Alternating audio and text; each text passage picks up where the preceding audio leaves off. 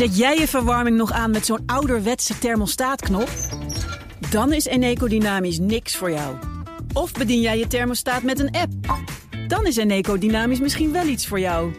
Doe de test op eneco.nl slash test om te ontdekken of een dynamisch energiecontract bij jou past.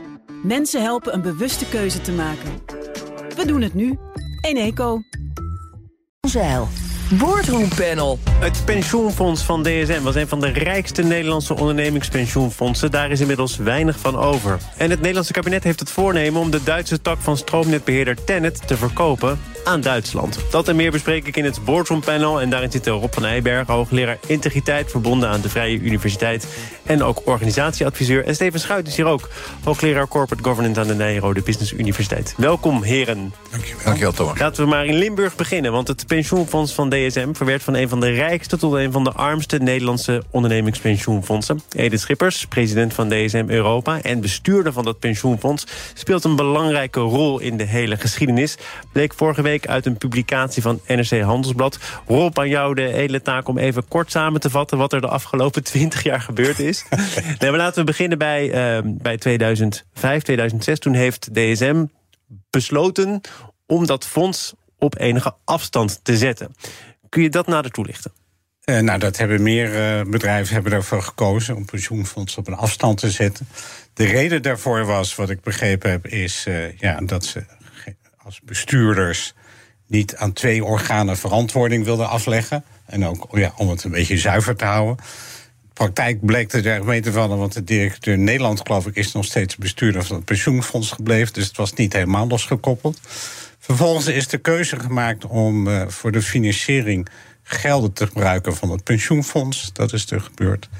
Nou, daar is achterstand ontstaan, zoals in veel pensioenfondsen, natuurlijk door de financiële crisis. Maar bij DSM is dat heel lang niet aangevuld. Nou, en wat er verder gebeurd is, uh, wat ik zelf in de media heb gelezen, dat tegen de code in van de pensioenfondsen. Uh, dat informatie over dat het niet goed gesteld was met het pensioenfonds is niet gedeeld met de deelnemers. Er is een gat van 1,3 miljard euro voor een deel door kortingen, premiekortingen, en voor een ander deel omdat de beleggingsresultaten achterbleven bij die van andere uh, collega-fondsen. Ja. Uh, en de vraag is nu: had dat dan breed gedeeld moeten worden, ja of nee? Of een van de vragen. Mijn antwoord is ja. Dat staat gewoon in de code van het pensioenfonds... dat je heel transparant moet zijn over uh, informatie die je hebt... over dat fonds aan de deelnemers. Uh, Steven, uh, allereerst nog even over dat op afstand plaatsen van het fonds. Um, er is toen gezegd, we plaatsen het op enige afstand. Er blijven wel bestuurders van DSM betrokken bij dat fonds. Maar mocht dat fonds ooit in zwaar weer komen... dan zal DSM het fonds niet vergeten. We sluiten een herenakkoord, is gesloten met de personeelsdirecteur van DSM... En dat lijkt toch moeilijk te rijmen te zijn met het feit dat er nu zo'n enorme achterstand is ontstaan. Kijk, even terug. Uh, wat er in uh, 2016 is gebeurd, is bij heel veel, zoals Rob zei, bedrijfspensioenfondsen gebeurd. 2006. 2006 nog lang geleden. Ja. Lange tijd geleden. En toen is die CDC-regeling, uh, Direct Contribution-regeling, ingevoerd.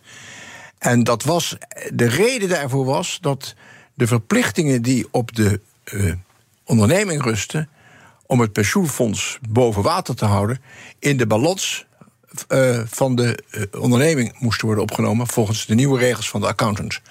En die bezwarende verplichting kon worden ontgaan door de verplichting tot aanvulling in één keer af te storten. En dat is dus bij veel pensioenfondsen gebeurd. En bij DSM ook. Misschien niet zo ver als tot nu wordt beweerd dat dat gemoeten. Maar het pensioenfonds is op dit moment helemaal niet in zwaar weer. Want het heeft een dekkingsgraad van 123. En dat is eigenlijk heel goed.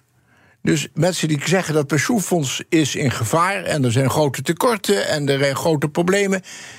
ik heb die website van PDM, PDN heet het. Dat is de nieuwe naam van uh, dat pensioenfonds.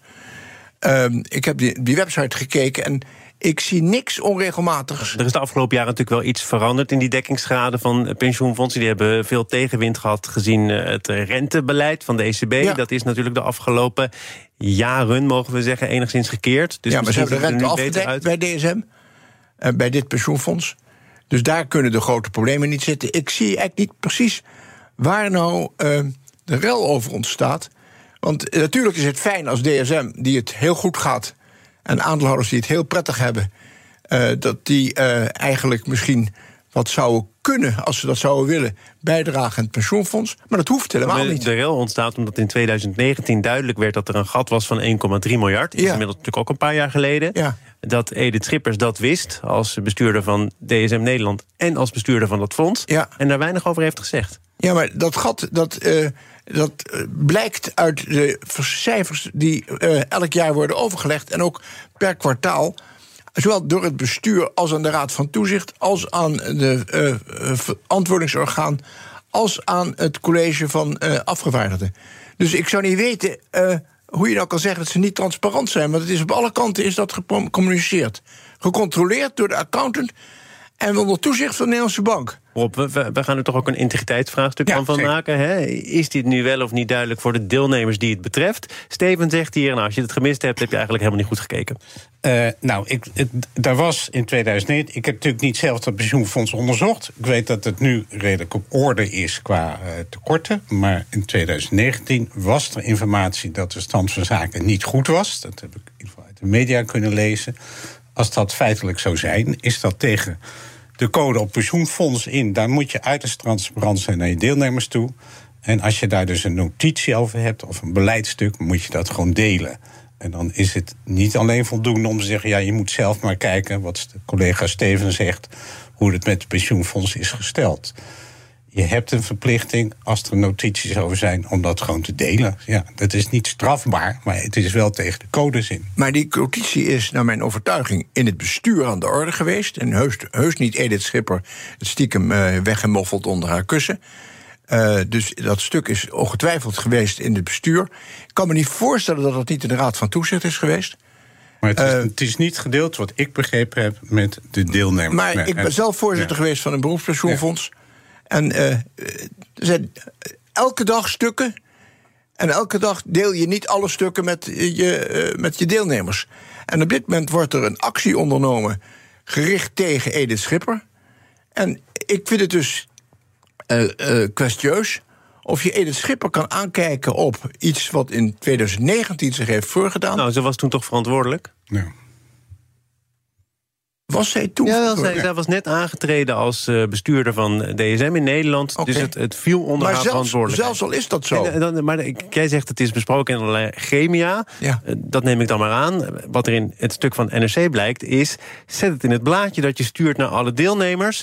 Is er ook een woordvoerder van DSM geweest... die heeft gezegd tegen de betrokken journalist... dat is gebeurd, er is in de archieven gekeken... het heeft niet in het blaadje gestaan. En dat is toch misschien wel het beste kanaal... om te communiceren met je deelnemers. Maar die toezegging uh, dat DSM niet met zijn rug naar het pensioenfonds gaat staan, ligt nergens vast. Ligt alleen in het geheugen van uh, een paar mensen die daarbij zouden, zouden zijn geweest.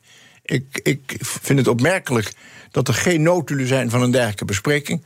Het is een herenakkoord, zoals dat uh, wordt Ja, maar een herenakkoord. Ik heb vele herenakkoorden als advocaat helpen sluiten. En er komt altijd een stuk uit wat ieder misschien in de bureaula gaat, maar hier is zelfs geen stuk in de bureaula. Nou, daar, daar, ben ik het met uh, collega Steven eens. Ik vind het raar. Een herenakkoord vind ik een uiterst vaag begrip. Zeker als het over zo'n gevoelig ja. onderwerp gaat. Dus dat moet vastgelegd zijn. Maar ik blijf er ook bij. Het gaat me niet om Edith Schipper nu helemaal zwart te maken. Maar die was de verantwoordelijk bestuurder op dat moment. En had dat, ik zeg nogmaals, volgens de code pensioenfondsen fondsen moeten delen aan de deelnemers. Tot, nog even de kwestie, Steven, waarvan je zegt... staat nergens zwart op wit dat het uh, bedrijf zich uh, zou blijven bekommeren... om het uh, pensioenfonds. Maar het is wel DSM. DSM met een bepaalde historische functie voor de hele regio... voor de werknemers van het bedrijf. Het sociale gezicht, ook meermaals benadrukt. Of het nou een herenakkoord is of een vastgelegde afspraak... Je verwacht het toch bij een bedrijf? Ik, ik zou me niks verbazen als DSM vrijwillig een donatie geeft aan het pensioenfonds. Omdat het DSM zo goed gaat. Het zou fantastisch zijn.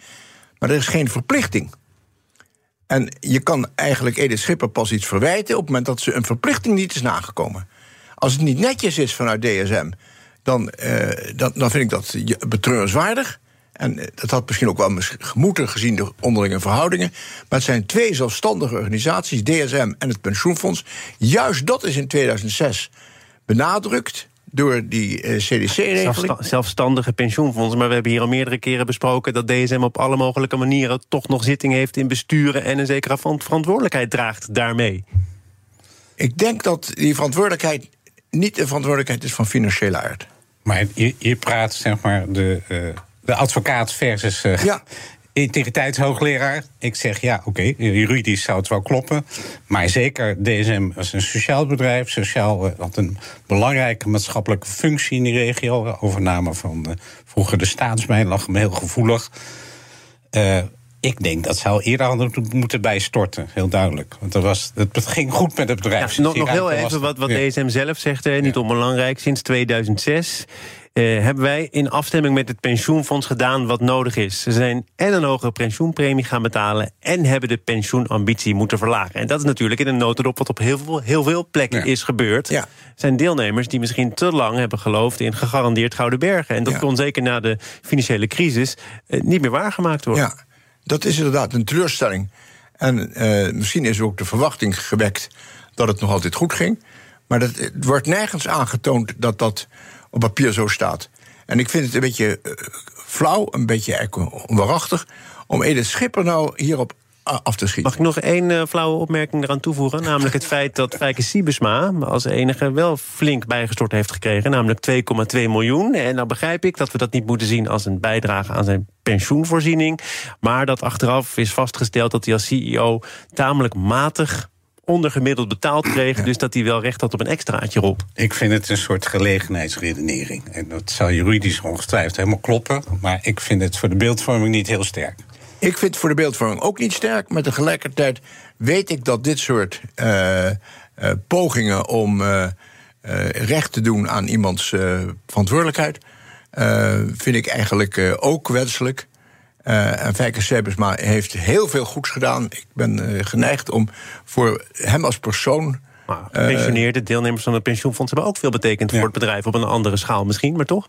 Zeker bij een sociaal bedrijf als DSM, uh, zeg maar, uh, als de uitstraling heeft, vind ik dat gewoon. Maar hij heeft zich zelf niet bevoordeeld. Dat is, dat is een afspraak die waarschijnlijk in een grotere kader past. Ja, dat zegt Frans dan Hout ook. Ja. ja. ja.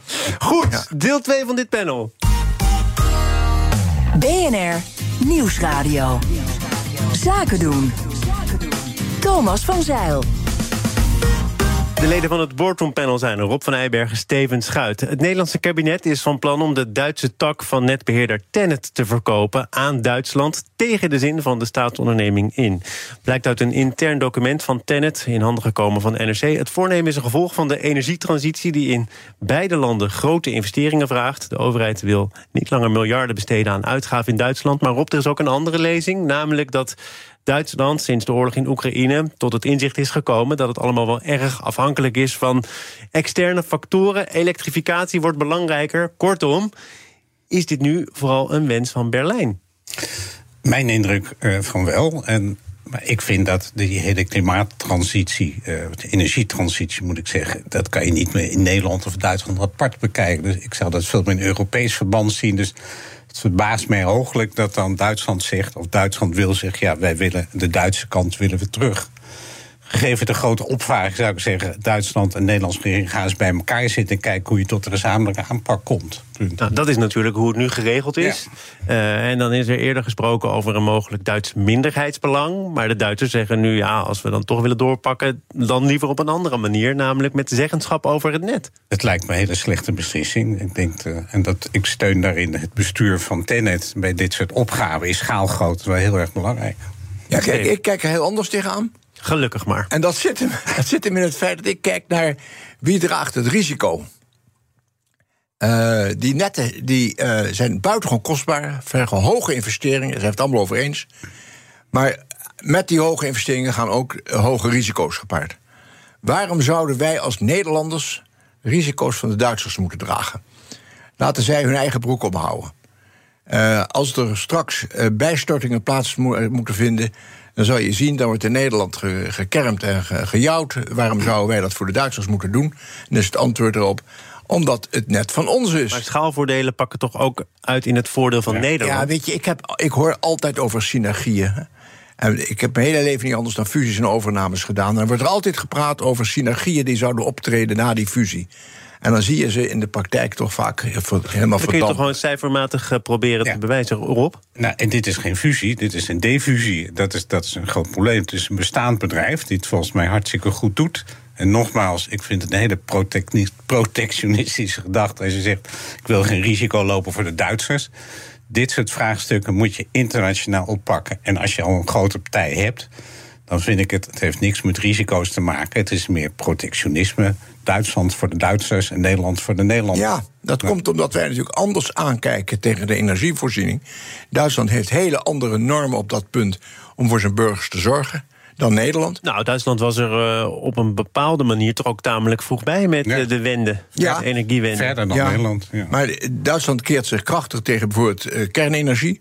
Eh, Duitsland heeft een hele andere opvatting over eh, de nieuwe vormen van energieopwekking, hè, dus de, de groene vormen.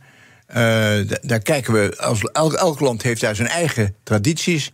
Zolang er geen Europees verband is, al was het maar een Noordwest-Europees verband, met het gezamenlijk, eh, gezamenlijke eh, normen en, en, en vooruitzichten, eh, denk ik, moet iedereen zijn eigen Maar, broek maar laten we even kijken naar wat er vanuit Tennetzijde dan wordt gezegd. Namelijk, we kunnen makkelijker grote orders plaatsen. We zijn kredietwaardiger. We kunnen makkelijker lenen. Windenergie kan van de Noordzee zijn weg vinden naar Duitse regio's. Hoe groter dat net, hoe makkelijker we ook eventuele overschotten of tekorten kwijt kunnen. Ja. Is toch allemaal Ik het voordeel van groter zijn? Ik Ik zou misken- zeggen, Nederland en Duitsland gaan rond de tafel zitten... en komt tot een oplossing om de risico's die, die Steven schetst... eh, Ja. die te counteren, maar ga niet Ja, maar die- een bedrijf uit elkaar trekken. Kijk, Dat is- kijk dat, ja. dat klinkt makkelijk, maar eh, die, die risico's kan je niet eh, eh, eh, toewijzen aan partijen die geen aandeelhouder zijn. Eh, dus als je de Duitsers eh, aandeelhouder maakt in Tennet, dan heb je eigenlijk het recept voor eh, conflicten à la KLM heb je eigenlijk al gegeven. Eh, want wij, wij gaan eh, verschillende opties nastreven. En ik denk dus dat je er veel verstandiger aan doet om met elkaar te proberen een, voor Noordwest-Europa een gezamenlijk eh, protocol te maken van dit is wat wij willen. En dan moet je daarin passen een vorm van samenwerking, maar niet andersom. Nog even heel kort. Stel dat je, eh, los van wat je er inhoudelijk van vindt... nu de topvrouw van Tennet bent, die hier trouwens vorige week te gast was. Ja. En je ziet het niet zitten. Maar je bent wel de algemeen directeur van een staatsdeelneming... van een staatsbedrijf. Wat zijn dan nog je opties? Ik zou eh, de media opzoeken. Ik Gemiste met- kans ik- vorige week. Precies. Ik zou zeg maar eh, de politiek, zou Pieter Omzicht inschakelen. Of dat soort mensen. Maar gewoon een, een sterke lobby opzetten om duidelijk te maken. En, en natuurlijk de, de, de branchevereniging om duidelijk te maken. We zitten in een klimaat, de klimaattransitie. Er liggen ongelooflijk grote vraagstukken. Ga niet daar, daar heel protectionistisch mee om. Ik ben, er, ik ben er voorstander van dat het pu- publieke eh, debat wordt aangegaan. Maar het is niet de taak van eh, Tennet om het algemeen belang van Nederland te vertegenwoordigen. Dat wordt vertegenwoordigd door eh, democratisch verkozen parlement en een regering. En als de regering dus zegt wij willen dit of dat, dan moet een staatsdeelneming in beginsel zich daarnaar voegen. Want de staatsdeelneming is er om het algemeen belang van het land te dienen. En niet andersom. We gaan nog even naar eh, de grote bedragen, de grote aantallen. De Amerikaanse softwarereus Microsoft kondigde deze week aan 10 miljard dollar te investeren in OpenAI, het bedrijf achter ChatGPT. Wie praat er niet over tegenwoordig? En met die investering probeert Microsoft andere grote bedrijven als Alphabet, Amazon en Meta uiteraard voor te blijven. Eh, is dit een verantwoorde investering, denk jij, Rob? Ik vind het een verantwoorde investering, omdat het een ontwikkeling is van de toekomst. Eh, net zoals algoritmes met algemeen AI. Er zijn mensen die dat, nou, volgens mij Steven ook, die er heel kritisch op zijn. Ik, volgens mij kunnen we, het niet? kunnen we dat niet meer ontkennen, maar moeten we het om- omarmen. En ik denk dat dat eh, een, een, een hele belangrijke ontwikkeling is, waar je als bedrijf zeker in moet investeren. En, en hoe je dat dan nu betaalt? Ik geloof dat de deal is dat de helft van de toekomstige winsten van OpenAI Ja. naar Microsoft gaan om die financiering dan af te betalen. Ja. En als er dan investeerders en medewerkers betaald zijn, hoort er ook een beetje bij. En er winst overblijft, dan gaat dat naar OpenAI zelf. En dat Ja. valt dan weer onder een non-profit organisatie. Nou, chic opgetuigd. Kijk, eh, er is tegen AI gewaarschuwd. Eh, gewaarschuwd door hele prominente filosofen, denkers over technologie. Eh, en ik, ik hoef maar een paar namen te noemen. En één daarvan is natuurlijk Ste- Stephen Hawkins en Stuart Russell. niet de minsten die ook gezegd hebben: als je niet oppast, dan is die AI in staat om ons als mensen eh, te elimineren. Eh, met een zodanige denkkracht dat wij eh, dat niet meer kunnen keren. Eh, aanvankelijk toen ik dat las, zeg eens even vijf jaar geleden, had ik een soort sceptisch, sceptische reactie. Maar het is, sindsdien is dat geluid alleen maar in bredere kring vertegenwoordigd. En ehm, je moet dus bedenken dat dus die, met die AI kan je, als je wil, een virus ontwikkelen. Maar dat kan nu ook al hoor. eh, niet zo makkelijk. Dan moet je wel een, een, een hoogstandje vertegenwoordigen. is dit niet een beetje een achterhoedegevecht? Je kunt toch ook zeggen, het is er nu, laten we Nou, het eh, proberen nee, maar kijk, ten gunste van de maatschappij in te zetten. Nou- Misschien een flauwe reactie. Toen de eerste stoomre- stoomtreinen gingen rijden... was er de angst dat de koeien verslag zouden gaan... omdat de melk Ja, eh, dat is- daar ik- niet tegenkomt. Ik bedoel, dit- Ik heb die vergelijking eerder gehoord. Maar eh, het vervelende van die vergelijking is dat die stoomtrein echt niks aan, ni- niet kan nadenken. Die wordt altijd nog bestuurd door een mens. En het probleem met die AI is dat die daar grensoverschrijdend is. nee, ik ben, ik En ben als je dan ik- mensen hebt die Ja. Ja. daarvoor moeten waken, dan zit, zie ik namen als eh, eh, eh, Elon Musk. Dan zie ik Steven.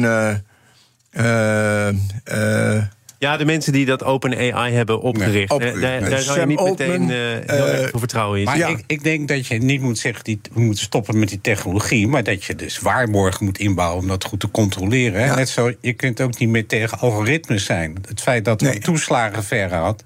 zeggen mensen, het lag aan die algoritme. Nee, het gaat om hoe die algoritmes zijn toegepast. Ik ik heb jullie, denkkracht, eh, ik heb jullie helemaal eigen denkkracht niet goed ingeschat. Er zat nog heel veel meer in het vat, maar het past niet meer in dit panel. Oké. Mijn excuses. Rob van Eijbergen, hoogleraar integriteit verbonden aan de Vrije Universiteit. Ook organisatieadviseur. En Steven Schuit, hoogleraar corporate governance aan de Nijrode Business Universiteit. Dank jullie wel. Dankjewel, Boardroom Thomas. Panel wordt mede mogelijk gemaakt door NCD, de Nederlandse Vereniging van Commissarissen en Directeuren. Eet jij elke woensdag lasagne omdat het zo lekker makkelijk is? Dan is Eneco Dynamisch niks voor jou. Maar kook jij het liefst elke keer wat anders met het risico dat ze zeggen... Ja, dag, dat gaan we echt niet eten. Dan is Eneco Dynamisch misschien wel iets voor jou. Doe de test op eneco.nl slash test om te ontdekken of een dynamisch energiecontract bij jou past. Mensen helpen een bewuste keuze te maken. We doen het nu. Eneco.